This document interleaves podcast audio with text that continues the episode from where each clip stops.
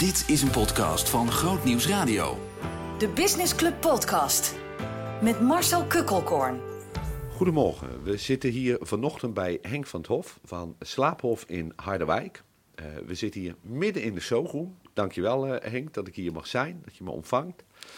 En om maar gewoon met de deur in huis te vallen Henk. Is dit nou altijd je droom geweest? Eigen ondernemer van een nou, beddenzaak, mag ik het zo noemen? Altijd een droom. Nee, ik denk dat dat uh, bij mijn tweede baan is ontstaan. En na mijn tweede baan uh, is het begonnen in 1989. En je tweede baan was? Was ik uh, verkoper van mengvoer.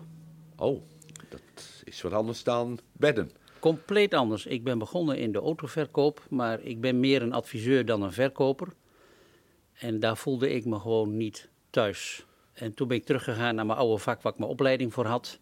Ik had een middelbare landbouwschool gedaan. Toen heb ik twee jaar bij een uh, coöperatie in Nijkerk gewerkt. En in die periode ontstond het verhaal van eigenlijk wil ik toch voor mezelf gaan beginnen. En, en uh, toen is deze stap ontstaan? Bijna deze stap. Ik uh, had het in eerste instantie gemunt op een franchise-formule, waarbij je dan een grote organisatie heeft die de basisvoorwaarden schept en jij als het ware de winkel runt. Ja. En uh, heb ik een aantal formules onderzocht en toen kwam ik bij een franchise-organisatie in waterbedden terecht. In waterbedden?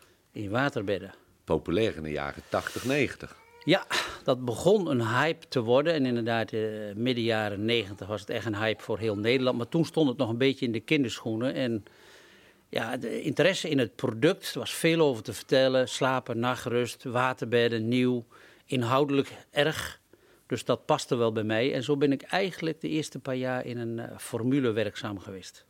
Uh, maar daar ben je als bedrijfsleider werkzaam geweest, of franchiser? Nee, je bent als franchiser, ja, als franchiser niet. De organisatie had inderdaad ook een aantal winkels waar ze personeel in hadden. Ja.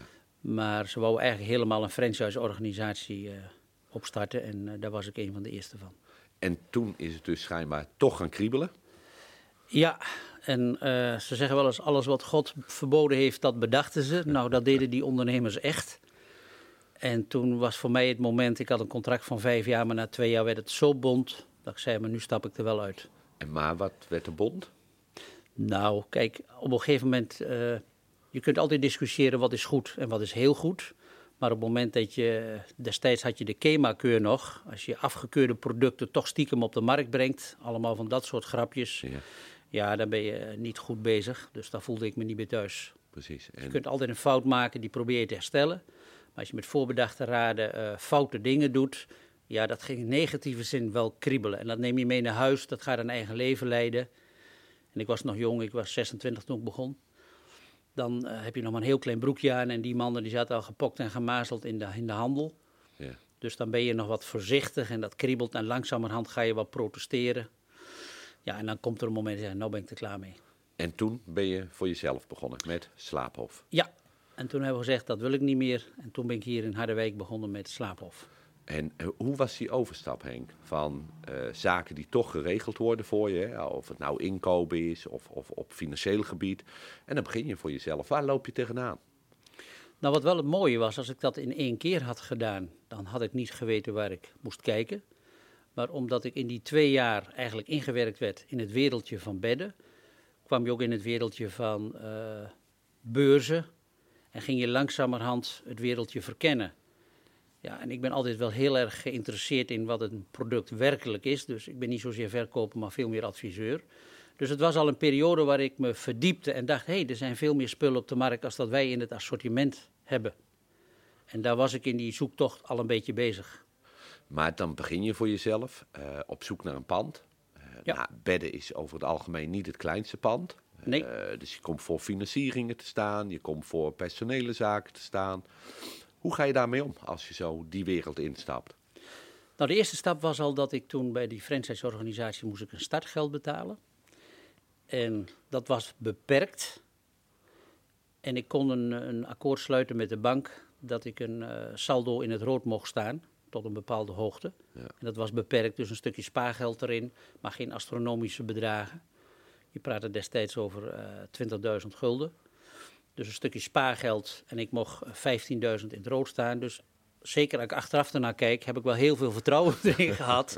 Want ja, met 15.000 euro, als het slecht gaat, doe je ook niet zoveel. Nee, nee, het vlug op. Dus ja, ja, mijn moeder zei toen nog wel, jongen, waar ben je mee bezig? Je hebt nu een baan en je verdient en eh, geen zorgen. En nu ga je voor jezelf beginnen, geef je alles op. Maar ergens zit dat dan toch binnen in je dat, ja, je wil die droom verwezenlijken, je wil aan de slag. Zie je dan het risico te klein? Ik weet het niet, maar er was zoveel drive Ja. dat dat, eh net als je zegt, hebben mensen dan geen angst? Ja, maar als je moed groter is als je angst, dan wint toch de moed het. Ja, ja, En ik denk dat die drang gewonnen heeft van het risico van, tjonge, als ik dat dan niet kan ophoesten, wat dan? ja. Maar nu ben je in de loop van de jaren ben je gaan groeien. We zitten hier in een schitterend mooi pand. Ehm, hoe, hoe is dat in zijn werk gegaan, Henk? Hoe heb je dat voor elkaar gekregen als ondernemer zijnde? Ik vind dat altijd knap als ik bij een ondernemer kom en ik zie dat ze zo gegroeid zijn. Hoe heeft zich dat ontwikkeld in de loop van de jaren? Eigenlijk een beetje spelenderwijs. Ik ben hier in Harderwijk toen opnieuw begonnen met een pand van 150 vierkante meter. Dat heb ik eh, vijf jaar gehad. En ondertussen kwamen de plannen van, ik wil ietsjes groter worden, want 150 is niet zo groot. Daar kwam bij, omdat we alleen waterbedden verkochten, kregen we ook regelmatig mensen binnen die zeggen, ik wil wel in Harderwijk een bed kopen, maar geen waterbed. En waarom was dat? Nou ja, als je ziet dat destijds 15% van de mensen een waterbed kochten en 85% niet. Ja. Ja, dan is het eigenlijk wel begrijpelijk dat mensen die in de regio willen kopen, als je een van de twee of een van de drie bent, komen ze binnen. Ja, En er zijn er zat die alle reclames volgen, maar er zijn er ook zat die zeggen een beddenwinkel. En wat voor beddenwinkel weten ze niet, ze komen binnen. Dus gaandeweg ontstond wel het verlangen, ik kan nog beter adviseren als ik een breder assortiment heb en kan, ja, kan adviseren wat echt bij die klant past. ja, En toen zijn we begonnen om plannen te maken om eh, iets te gaan kopen. En toen kwam eigenlijk de echte investering pas, want toen hebben we 3000 meter grond gekocht. En hebben we een pand erop gezet van 500 vierkante meter. En dat was in 1989. 89. Maar dat was niet deze locatie. Nee, dat is niet waar. 89 ben ik begonnen, in 98 is dat. In 98 hebben we het pand geopend. In 97 zijn de plannen gemaakt. In 98 hebben we het pand geopend. Ja. Maar dat was op een andere locatie dan deze locatie. Ja, en ik zit nu dan op de derde locatie, maar het is allemaal 400, 500 meter bij elkaar vandaan. Dus op zich niet weg bij de plek waar je zit, in dezelfde hoek van Harderwijk. En dat ging eigenlijk heel erg goed, want je ging van 150 meter naar 500 meter, van waterbedden speciaalzaak naar bedden speciaalzaak. En wat misschien wel de basis van de groei is geweest, blijf gewoon normaal doen. Gewoon hard werken, je niet druk maken om geld, maar meer van hoe kan ik gewoon mijn bedrijf bouwen en mijn klant tevreden houden. Ja. Henk, al- als ik kijk, even, even naar ondernemers toe. Want ehm, eh, wat mij altijd intrigeert, een ondernemer heeft over het algemeen heel weinig slaap. Ehm, nou, nu zitten we bij een slaapzaak. Jij hebt je gespecialiseerd in bedden. Waarom is het voor een ondernemer nou belangrijk om bij jou langs te komen ehm, voor een goed bed? Want de paar uurtjes die hij heeft, moet hij wel goed slapen. Waar zit daar het verschil in? Nou, wat eigenlijk ziet, voor, om, om fit aan de start te komen elke morgen weer, eh, hebben we al jaren eh, nagedacht over voeding. Hebben we al na, jaren nagedacht, met name de laatste jaren, over beweging. Maar het meest essentiële is eigenlijk slaap. Want wat gebeurt er eigenlijk? Je lichaam komt tot rust. En als die nou in een stoel zit s'avonds of in bed, dat is niet het meest spannende.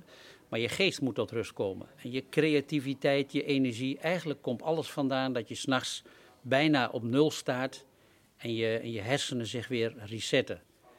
En dat zie je, daar kun je een tijdje volhouden als je dat niet doet. En met name ondernemers die beginnen, ja, die zeggen drie, vier uur slaap heb ik genoeg aan.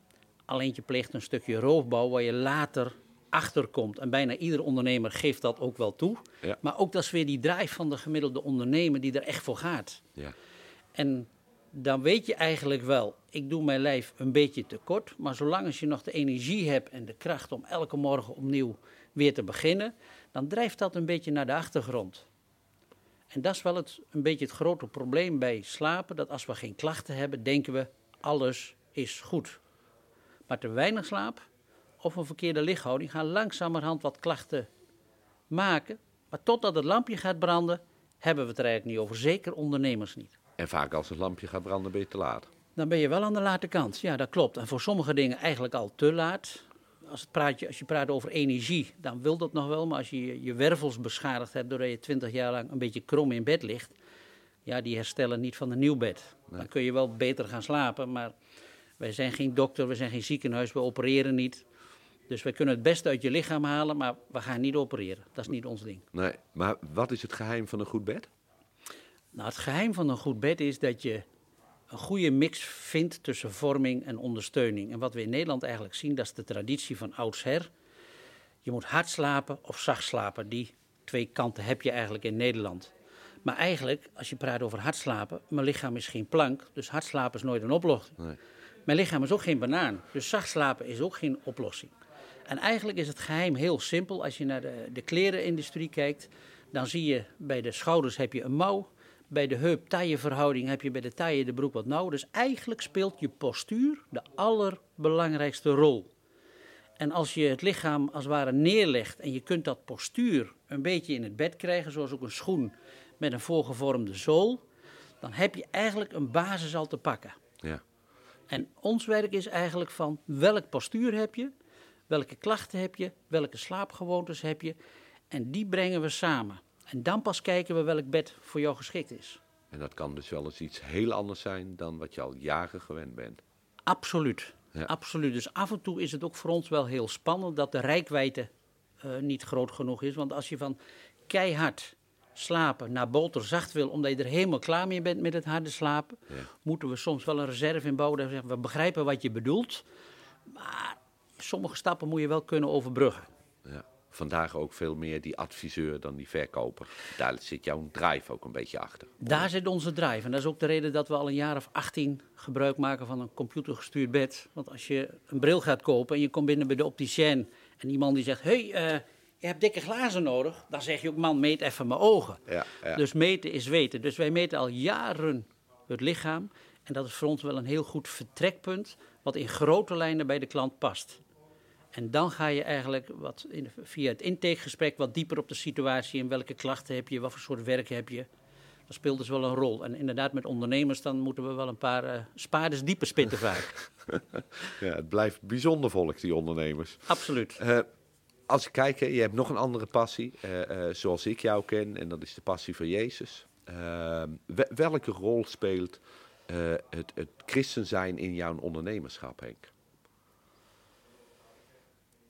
Ergens speelt dat een, een grote rol. Alleen omdat het diep van binnen in je zit en eigenlijk van jongs af aan dat met de paplepel is ingegoten, sta ik voor mijn gevoel helemaal niet zo heel vaak voor dat soort keuzes. Omdat je leven eigenlijk daarop ingericht is en je keuzes daar als een soort logica op volgen. Dus bij heel veel vraagstukken die hier binnenkomen, maar dat geldt zowel privé als zakelijk, heb ik niet zoiets, is dit nou de wil van Jezus of niet? Want dat zit in de loop van de jaren, ken je de wil van Jezus en, en ben je onderweg met Jezus en dan ja, is het een soort tweede natuur, los van hoogtepunten en dieptepunten, wel een soort tweede natuur waarvan, eh, van waaruit je reageert. Maar, maar hoe, hoe geef jij dit vorm? Hè? Je wordt 's ochtends wakker en dan? Hoe begint jouw dag? Eh, mijn dag begint eh, met uiteraard een eh, sanitaire stop en eh, verfrissen. Ontbijt. En dan ga ik meestal 20, 25 minuten wandelen. En dan probeer ik een stukje meditatie te hebben. En eh, wat ik de laatste jaar doe, is een paar podcasts luisteren. En dat stempelt dan je dag. Dan begin je als het ware je accu wat op te laden. Je voedt je geest wat. En dan kom je toch al in een bepaald soort setting. Ja. En de meeste dagen lukt dat. Er zijn ook eens momenten, dan ben je wat drukker. En dan denk je na tien minuten, ja, wat zei die man of vrouw nou alweer in die Ja. podcast? Je bent weer even kwijt. Ja. Dan ben je het even kwijt. Dus dan merk je wel, oké, ik moet weer even eh, op de rem trappen. Maar ja, dat is natuurlijk het- het zoeken van een balans wat blijvend is. Maar ik probeer wel, voordat ik ga werken, wel een kwartier, twintig minuten eh, stille tijd te hebben onder het wandelen. Precies. En, en dan, je komt op je werk, eh, je komt je collega's zie je tegen. Ehm, ik weet niet, zijn je collega's allemaal christen of niet christen? Nee, we hebben periodes gehad dat dat wel zo was, maar nu heel beperkt. Ja. Ja. En, maar hoe ga je daarmee om? Hè? Die zullen ook hun vragen hebben. Ehm, jij wil een voorbeeld daarin ook zijn. Eh, waar botst dat? Of waar vinden jullie elkaar? Eigenlijk botst het nooit, omdat eh, op voorhand, als mensen komen solliciteren, eh we beginnen niet met een sollicitatiegesprek, maar met een kennismakingsgesprek, om al een beetje te kijken van, joh, Wie ben jij, wie ben ik? Wat zijn de mensen binnen het bedrijf? Past dat een beetje als mens? En dan komt het tweede takenprogramma, want je kunt nog zo'n hele goeie zijn, maar als er geen klik is tussen mensen, dan, dan wordt dat niks. Nee. En in dat gesprek komt vaak ook wel, wat, wat zijn jouw drijfveren in het leven? En voor mij is het dan heel helder. Uh, Jezus Christus is mijn drijfveer. Dus daar praat je over. Ik ga ze er niet mee vermoeien, maar je praat er wel over. Dit zijn een aantal basiswaarden en normen in ons bedrijf. Ja. Dus die, die hanteren we. Vaak komen ze er ook al zelf mee van, ja, we hoeven hier niet op uh, zondag en feestdagen te werken. nee, dat klopt. Nee, dat hoeft hier niet. Dus uh, geen discussies, moet jij deze week de baas lekker thuis en jij werken? Nee. nee. Die discussies hebben we hier niet. Dus nou, daaruit uh, ja, schep je al een soort startpunt waardoor je die dingen een beetje voorkomt. Ja. Maar jullie lopen daar nooit eens een keer tegen een conflict aan. Het, dat je daar op een bepaalde manier mee moet omgaan. En zoiets hebt van: hé, hey, maar nu ben ik christen. Ik hoor dit geluid. Wat doe ik hiermee? Uh, vind, on, ondervind je daar zelf de worstelingen in, de tegenstellingen in? Uh, dat die keuze ook wel eens moeilijk is. Ja, ik zit even te denken, een jaar of tien geleden is dit, denk ik. Toen wilden we verhuizen. En toen zou er een nieuwe woonboulevard komen in Harderwijk. En daar werden we door de gemeente op gewezen, dus we zijn daarmee in gesprek geweest. En toen was een voorwaarde, uh, de zondag moet je open zijn. Oké. Okay.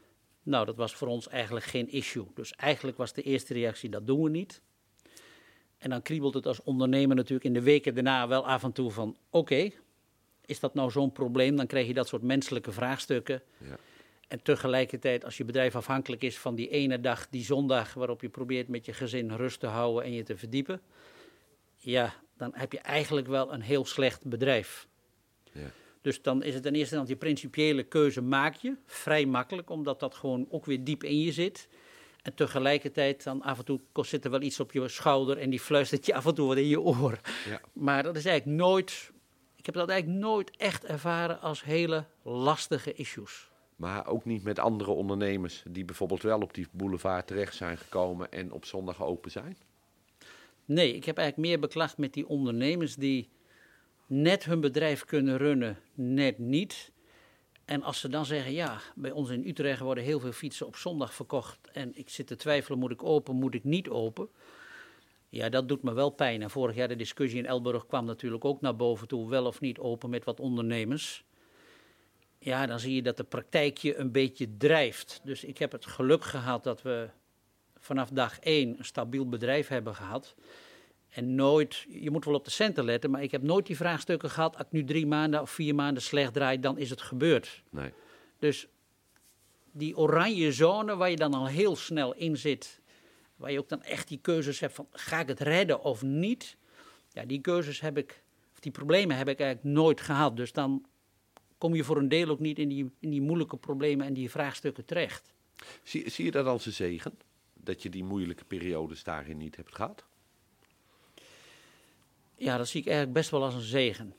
Tegelijkertijd zie je ook dat lastige dingen in je leven je ook vormen. Ja. Dus ik zie bij sommige collega's die ten onder gaan en er sterker uitkomen. Dat vind ik dan heel mooi. En tegelijkertijd kunnen we heel makkelijk zeggen: dat is mooi dat je gevormd wordt. Maar op dat moment, met alle onzekerheid van dien, heb ik nooit zo jaloers geweest op die momenten. Nee. Achteraf zijn dingen niet zo moeilijk, maar je moet altijd terug naar het moment waarop al die dingen bij elkaar kwamen en je de wetenschap van dat moment hebt. Klopt. Dus ik ben er nooit zo jaloers op geweest, maar wel. Ik vond het ontzettend dapper van ondernemers die uh, dan de, de juiste keuzes namen en de consequenties aanvaarden met alle onzekerheid van dien. Ja. Want je kunt heel makkelijk zeggen: God zal mij bewaren en zal mij leiden. Maar ja, daar zijn diepe dalen bij. En daar wil je ergens als mens zijn er toch liever niet doorheen. Nee, daar wil je graag wegblijven. Ja. Ja. Want, want heb je zelf wel eens die diepe dalen ervaren? Uh, dat je zoiets had van: hé, hey, maar hoe ga ik hier nou mee om? Uh, God, waar bent u?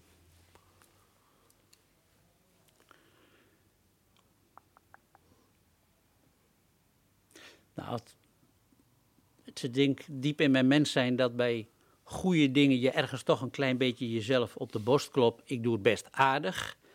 Bij slechtere momenten kijk je al gauw om je heen, joh, uh, wie verziekt hier nou de boel? Ja.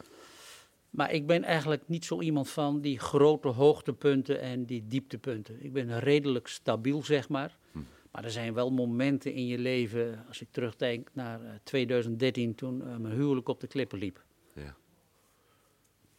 En dat was eh, 23 jaar. Op die moment, als het donker is, ja, dan is dat best wel lastig. Ja. Maar ik heb nooit echt het verhaal gehad van verwijt naar God toe. Dat niet. Het is altijd wel, heb je daar voor jezelf een plek in kunnen geven en voor jezelf zeggen van, hé, hey, die schuld ligt bij onszelf. Dat is niet God die dit doet. Nee, eh, ze zeggen wel eens dat wat jij niet kunt, zal God voor je doen. Maar dat betekent wel dat je eerst wel aan de slag gezet wordt. En je hebt een heleboel eh, keuzes gekregen. Ik hoorde eens iemand zeggen van het leven vergelijk ik wel eens met zo'n eh, boormachine op een accu. Ja. Als jij zorgt dat jouw eh, boormachine van tijd tot tijd geladen wordt, dan haal je hem even uit stopcontact, maar dan kun je nog een tijdje een klus doen. Ja. Dus met andere woorden, we hebben verstand gekregen, we hebben heel veel dingen gekregen om keuzes te maken. En het is een mens eigen, als het goed gaat heb ik het gedaan, als het fout gaat heeft een ander of God het gedaan. Ja. Maar dat heb ik eigenlijk nooit zo gehad. En dan is de spiegel ook wel helder, je maakt zelf keuzes en de ene komt goed uit, de ander wat minder uit. En dan moet je ook zeggen, ja, ik ben onderdeel geweest van dat proces. En dan is het makkelijk om te zeggen, mijn ex heeft alles fout gedaan, maar dat is absoluut niet waar. Nee. Het is dus ook het aanvaarden van je eigen fouten. De Absoluut. consequenties. Ja, ja.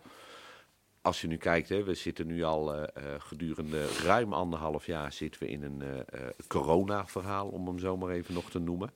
Eh, wat is de impact daarvan op jouw bedrijf geweest, Henk? Hebben jullie dat gemerkt? Eh, hebben jullie er niks van gemerkt? Is het beter gegaan? Wat is er bij jullie gebeurd? Nou is dat ook wel eigenlijk mooi een fase waar je heel veel onzekerheid tegemoet gaat. Allemaal privé en zakelijk voor iedereen. En eigenlijk het eerste wat wij hebben gedaan is eigenlijk eh, twee weken achter elkaar een paar uur gezeten met personeel. Om te zeggen, jongens, we hebben samen dit bedrijf opgebouwd. Er lijken lastige tijden aan te komen en onze eerste insteek is geen personeel ontslaan. Want dat was de angst meteen. Iedereen zag doemscenario's. En op dat moment vond ik het meest belangrijke om te zeggen: jongens, we kunnen een tijdje overleven. Als wij een slecht jaar draaien, vallen we niet meteen om, redelijkerwijs. Dus onze eerste insteek is: eh, iedereen blijft behouden. En we merkten wel dat dat in de tweede keer en de derde sessie die we gehad hebben, echt wel ontvangen werd. De eerste keer als zoiets, ja, dat is weer een ondernemer die mooie praten heeft. Want Het zal wel. al kenden ze me jaren, toch is het zo, als er onzekerheid komt, gaat iedereen toch een beetje wankelen. Staan allemaal een beetje op één been. En dat tweede been moeten wij ze dan een beetje meegeven. En eigenlijk is er na drie, vier, vijf weken wat onrust. Toen hoefde de winkel niet dicht. Is het eigenlijk gestaag weer, is de omzet weer gekomen. En is zelfs 2020 met een omzetplus geëindigd. Dat is eh, zeker mooi nieuws. Want, want jullie zijn een aantal weken ook dicht geweest. Ja, aan het eind van het jaar kwam dus het bericht van, ja, een groot deel van Nederland ging op slot. En ergens half december tot en met eind februari, begin maart, dus een week of ja, elf hebben we dicht gezeten. Ja. Ja, als je dan eh, eind februari bent, dan hoop je natuurlijk dat je heel snel weer open mag. Maar ja, winkel dicht, dan, dan daal je natuurlijk helemaal in omzet. Ja. Maar het gelukkige was, omdat we het jaar daarvoor een plusje hadden gehad, raakten we niet meteen in paniek. Dus ja, dat gaf ook bij het personeel wel rust. En we hadden het in die najaar erg druk gehad. Dus we hebben ons die acht weken totaal niet verveeld. Maar hoe gaat dat? Want mensen hebben een bed nodig, een matras gaat kapot, het bedframe zelf gaat kapot. eh, mensen hebben een nieuw bed nodig en jij bent dicht. Ja, nou voor noodsituaties kon je dus wel helpen, want we mochten wel altijd naar klanten toe. Dat was natuurlijk het bizarre, als je één klant in de winkel zou doen, mag niet, één klant thuis wel. Ja. En daarin zijn we ook niet roomser als de paus geweest. En op het moment dat er een bepaalde noodzaak was, een klant die belde, eh, mijn man komt eh, volgende week uit het ziekenhuis en heeft nu een laag bed, moet een hoger bed hebben met in- en uitstappen. We mochten dus wel zorgbedden, wat zorggerelateerd was. En op dat moment zit je natuurlijk wel op die grens van zorg. Op die moment hebben we gezegd, op gepaste afstand hebben we alle veiligheidsvoorschriften eh, gehanteerd. Maar hebben wel gezegd, dit vinden we een uitzondering. Dus we hebben wel een aantal klanten geholpen waarvan je echt zegt, de nood is hoog. Ja. Merken jullie op zo'n moment dat je als team ook naar elkaar toe groeit? Ja, het was eigenlijk een hele onwerkelijke situatie. Want je had aan de ene kant heel veel indirect werk. Ja. Want alle verwerkingen van orders, wat er daarvoor was, eh, klachten oplossen, afleveringen, alles ging door. Plus we waren in een fase van het ombouwen van de winkel. Dus we hebben die fase ook meteen gebruikt om de winkel wat eerder aan te pakken als gepland. Ja. En dat, dus ja, er was eigenlijk altijd werk genoeg. Ja. En, en als je kijkt, hè, wat, wat heeft dat gewoon op jouw eigen privéleven voor weerslag gehad? Hè? Want uh, je hoorde iedereen, wanneer was het? Uh, begin maart geloof ik, 2020. Iedereen zijn agenda werd leeggeveegd. S'avonds ook, alle sociale contacten, alles weg. Um, wat heeft dat met jou gedaan? Nou, het meest jammer is dat je ontmoetingen gaat missen. Maar dat het leven wat rustiger werd, dat was alleen maar prettig. Ja. Ik ben bang dat uh, naast mij ook diverse mensen zijn die straks weer gaan terugverlangen naar die rust. Want je laat je ergens toch opdrijven door de stroom van mensen. Ik zeg wel eens, als je van vakantie terugkomt, heb je besef wat rust met je doet. En dan neem je je voor, ik doe nu wat rustiger aan. En na drie dagen werk je, denk je, heb ik er nou een schepje bovenop gedaan of niet? Ja, was dat mijn vakantie? ja. was, ja, was dat mijn vakantie? Ja. Dus ja, ik moet zeggen dat ik het wel prettig vind. En ik dat ritme ook, nadat de, de avondklok weg is gegaan, dat ritme toch wel wat meer heb aangehouden. Ja, want je merkt vaak, hè, ondernemers, gedreven mensen, van s ochtends tot s avonds vol op de barricades. Ja. Uh, en dat staat dan stil. Hè? Dus de ene kant, die rust kan heel fijn zijn, maar het kan ook een blokkade zijn.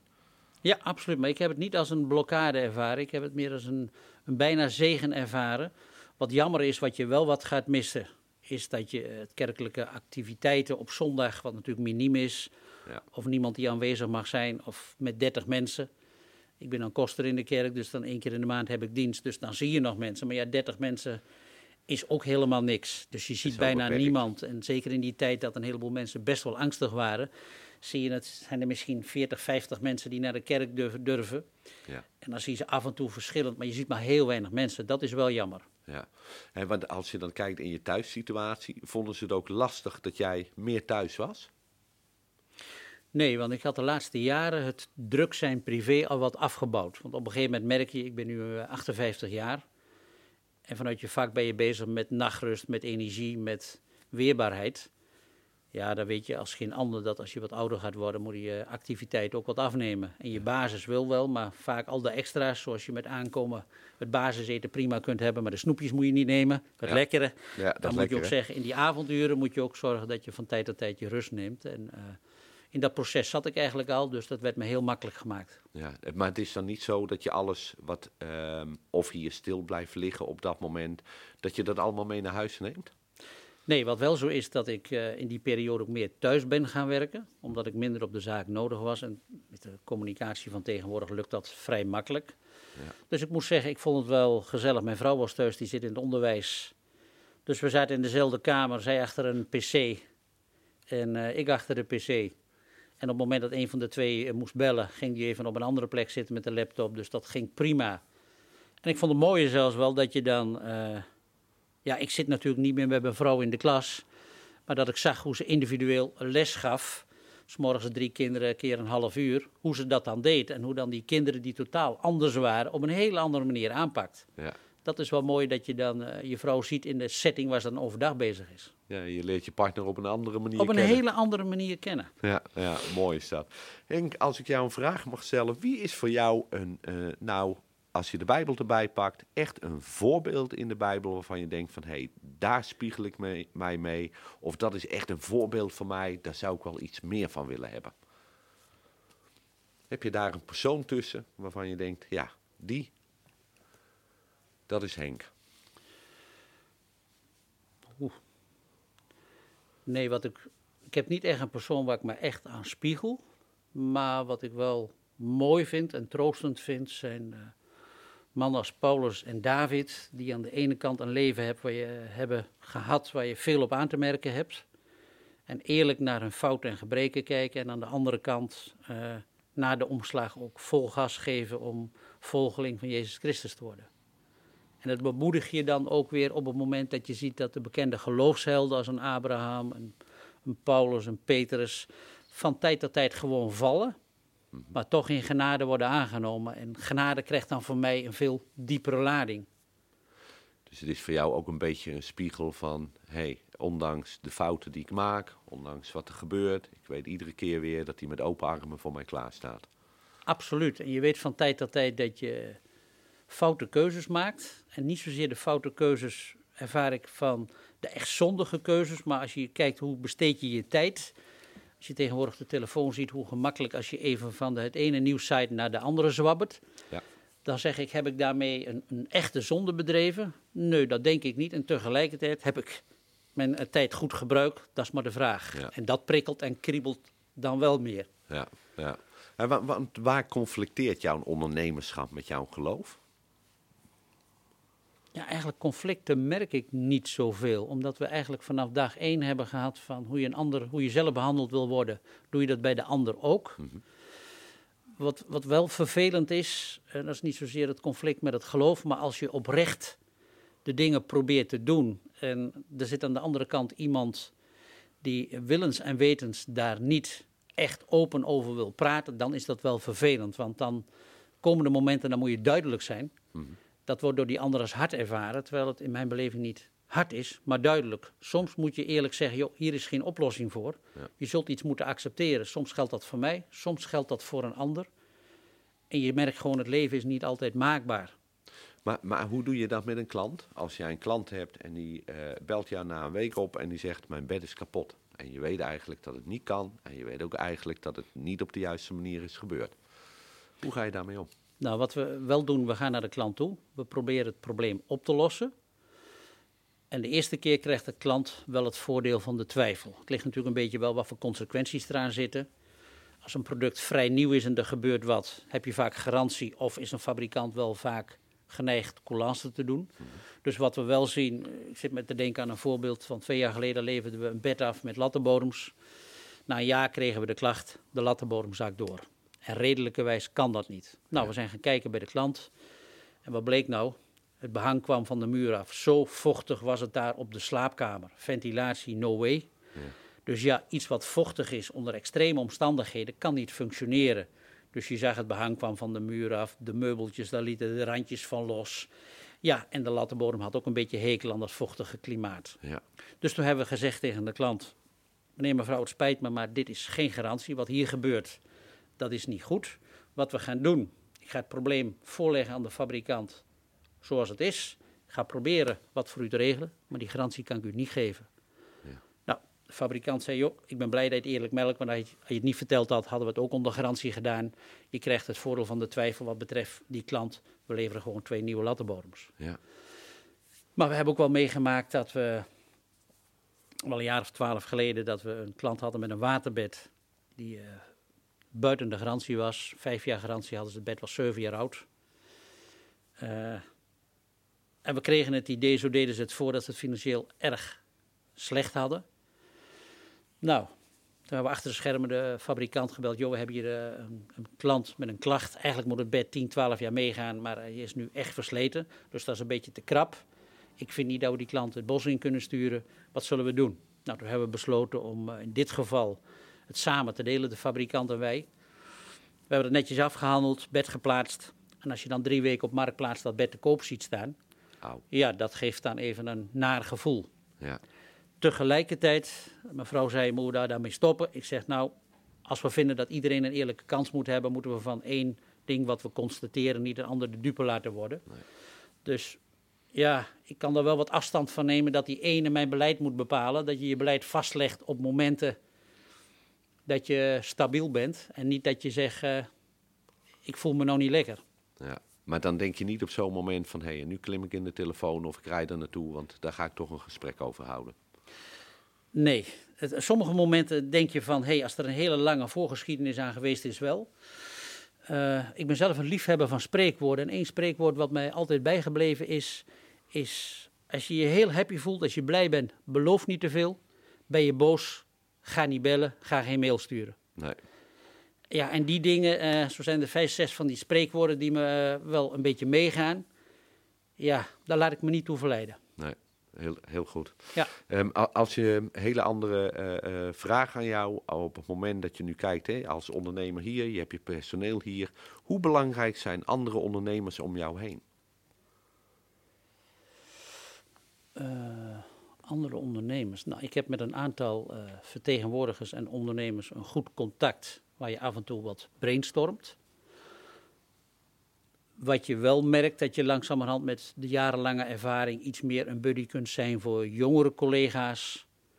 als voor dat oudere jou doen. Dus ik heb wel een paar mensen waar ik van tijd tot tijd mee spar. Ja. En die me fit houden als het ware, die me scherp houden. Uh, en, en 10, 20 jaar geleden vond ik dat heel erg belangrijk. Nu is het meer zo dat je een paar mensen hebt waar je van tijd tot tijd mee praat die jij kunt coachen. Dus ook een collega hier die uh, mogelijk het bedrijf termijn gaat overnemen. Daar hebben we extern een coach in gehuurd. Omdat ik vind dat hij best wel wat van mij kan leren, maar hij moet zijn eigen kwaliteiten en talenten ontwikkelen. Dus we hebben een periode van een jaar gehad waarin hij één keer per maand alleen met die coach sprak. Mag hij alles zeggen wat hij wil, wat hij vindt, wat hij doet. En één keer per maand spraken we samen. En dat heeft ons allebei gevormd. Ja. Dus het is wel belangrijk dat iemand uh, een, een gesprekspartner heeft. Ja, ook als absoluut. Ondernemer. Dat is privé, maar als ondernemer ook. Omdat je, je maakt afwegingen. En, en in de toekomst kijken kan niemand. En als een afweging wat anders uitvalt, denk je wel als eerste: oké, had ik het kunnen voorspellen, kunnen voorzien. Ja.